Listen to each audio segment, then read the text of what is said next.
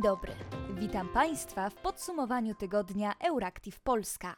Dzisiaj opowiemy między innymi o nowym sposobie wychwytywania CO2 oraz o szczycie Unii Europejskiej.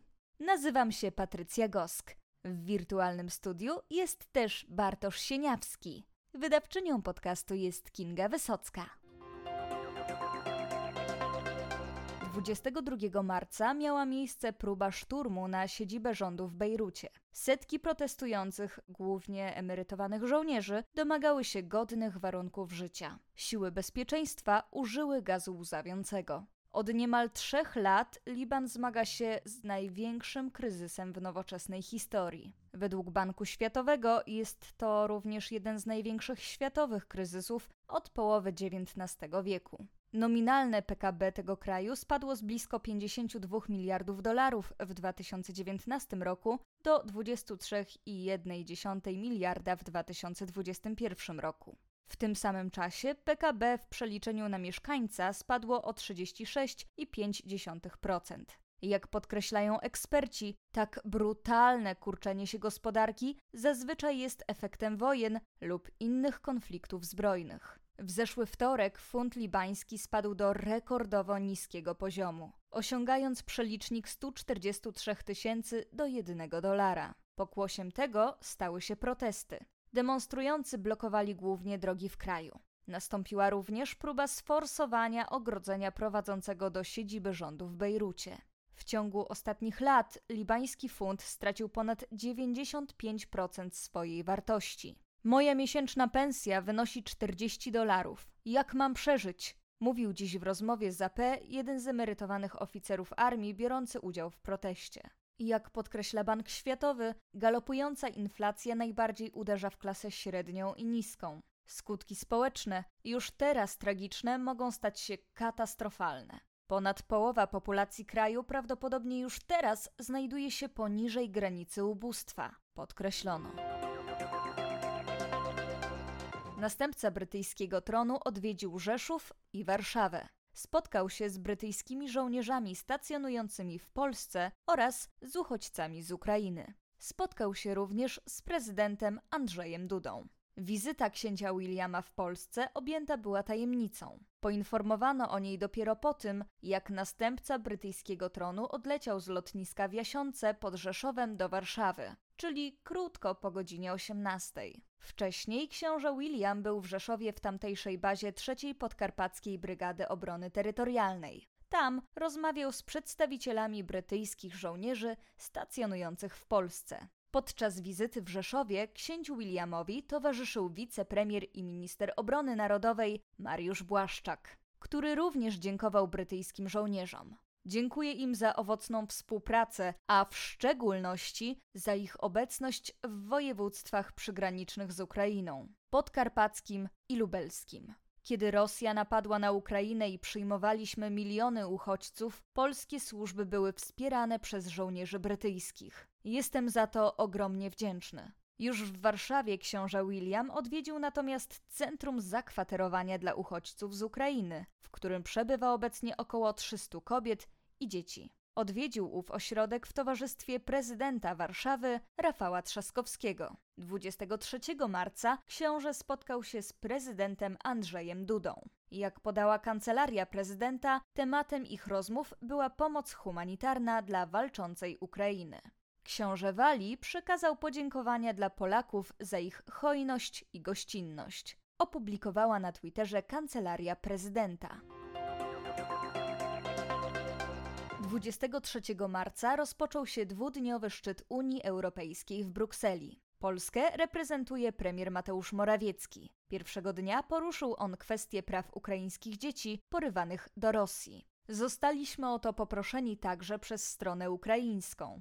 To wyjątkowe barbarzyństwo rosyjskie i chcemy tę sprawę mocno nagłośnić na forum międzynarodowym, mówił. Unijni przywódcy potępili rosyjskie działania. Zażądali również, aby dzieciom zapewniono bezpieczny powrót do ich domów. Pojawiła się również groźba kolejnych sankcji. Zapowiedziano też dalsze prace nad ograniczaniem limitów cenowych na rosyjską ropę.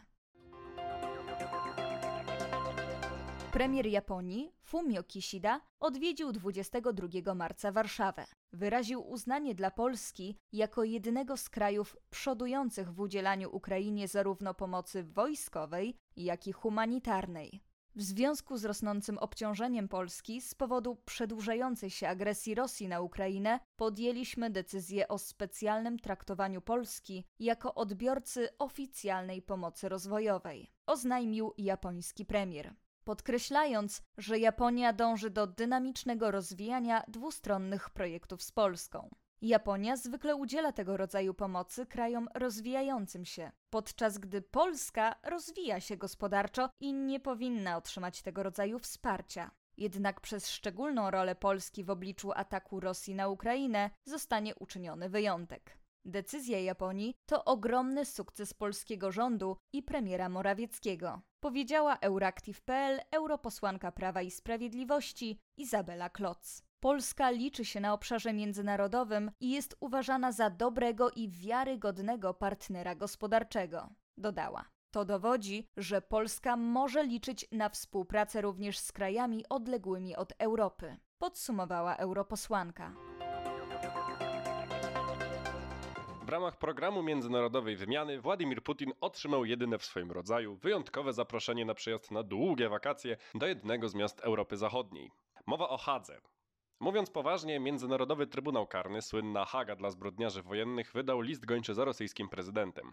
Kroplą, która przelała czarę zbrodni wojennych popełnianych w Ukrainie, a za które odpowiedzialny jest Putin, jest porywanie ukraińskich dzieci i wywożenie ich do placówek opiekuńczych w Rosji, gdzie poddawane są rosyjskiej indoktrynacji. Razem z Putinem listem gończym nagrodzona została rosyjska komisarz praw dzieci Maria Lwowa-Biełowa.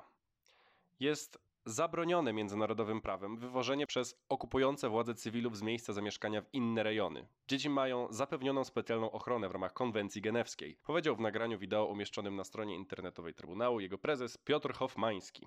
Decyzja haskiego organu bardzo ucieszyła Ukraińców. Niestety, jako że Rosja nie uznaje jurysdykcji Trybunału Karnego, upłynie wiele wody w rzece, zanim Putin, jeśli w ogóle, trafi do klatki z pleksji na ławie oskarżonych w holenderskim sądzie. Komisja Europejska chce ukarania Czech za to, że te nie dostosowały się do unijnego prawa dotyczącego ochrony sygnalistów. Przepisy obowiązują od 2019 roku, a Pragę do odpowiedzialności może pociągnąć Trybunał Sprawiedliwości Unii Europejskiej.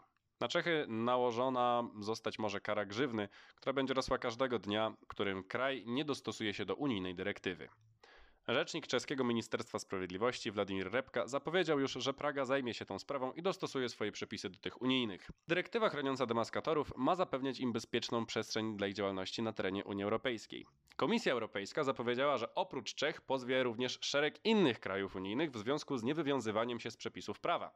Do tego grona należy także Polska, której brakuje regulacji prawnych zapewniających bezpieczeństwo sygnalistom. Konserwatywna Uganda wprowadziła drakońskie prawo dotyczące osób LGBT. Liczący 43 miliony mieszkańców afrykański kraj absolutnie zakazał bycia osobą nieheteronormatywną. Za stosunek seksualny osób tej samej płci do więzienia będzie można pójść na dożywocie, a w przypadku seksu homoseksualnego, w którym jedna osoba ma mniej niż 18 lat lub jest zarażona HIV, sąd może wymierzyć nawet karę śmierci. Nasz stwórca Bóg jest szczęśliwy z tego, co się dzieje. Popieram ustawę, by chronić przyszłość naszych dzieci, stwierdził jeden z posłów Dawid Bahati podczas debaty w parlamencie. To prawo kryminalizuje bycie osobą LGBTQ. Chcą wymazać jakiekolwiek ślady istnienia homoseksualnych Ugandyjczyków, stwierdził ugandyjski aktywista LGBT, Frank Mugisza. Świat zachodni jest wstrząśnięty nowym prawem wprowadzonym w Ugandzie. Wolne i niewystarczające decyzje polityków nie napawają nadzieją na szybkie uporanie się z katastrofą klimatyczną. Możliwe więc, że to jakaś nowa technologia pomoże ludzkości poradzić sobie z ogrzewaniem się klimatu i taka nowa technologia właśnie się pojawiła. Amerykański zespół badawczy pod przewodnictwem doktora Arupa Sengupty opracował projekt nowego rodzaju sorbentu, czyli substancji pochłaniającej dwutlenek węgla. Technologia wychwytywania CO2 z atmosfery dopiero raczkuje. Na Islandii w poprzednich latach stanęła wielka maszyna zajmująca się pobieraniem z powietrza CO2 i składowaniem go w formie stałej pod ziemią. Jednak dwutlenek dwutlenku węgla jest na tyle mało w powietrzu, że aby można go było swobodnie wyłapywać, potrzebne są duże nakłady energii. Ponadto maszyna nie jest zbyt wydajna. Sorbent doktora Sengupty mm, to substancja oparta na związkach miedzi, wytworzona przy pomocy m.in. różnego rodzaju żywic. Substancja ma silne właściwości absorbujące i jest tania w produkcji. Jest w stanie pochłonąć od 2 do 3 razy więcej cząsteczek CO2 niż dotychczasowe technologie zajmujące się oczyszczaniem powietrza. Wiązany z substancją dwutlenek węgla w reakcji z wodą morską zmienia się w zwykłą sodę oczyszczoną, w związku z czym mógłby być składowany w tej formie chociażby na dnie wyżej wymienionego morza. To dopiero projekt, ale jeśli trafiłby na rynek, mógłby być przełomowym wynalazkiem w walce z katastrofą klimatyczną. To już wszystko w dzisiejszym podsumowaniu tygodnia redakcji Euractiv Polska. Życzymy Państwu miłego weekendu.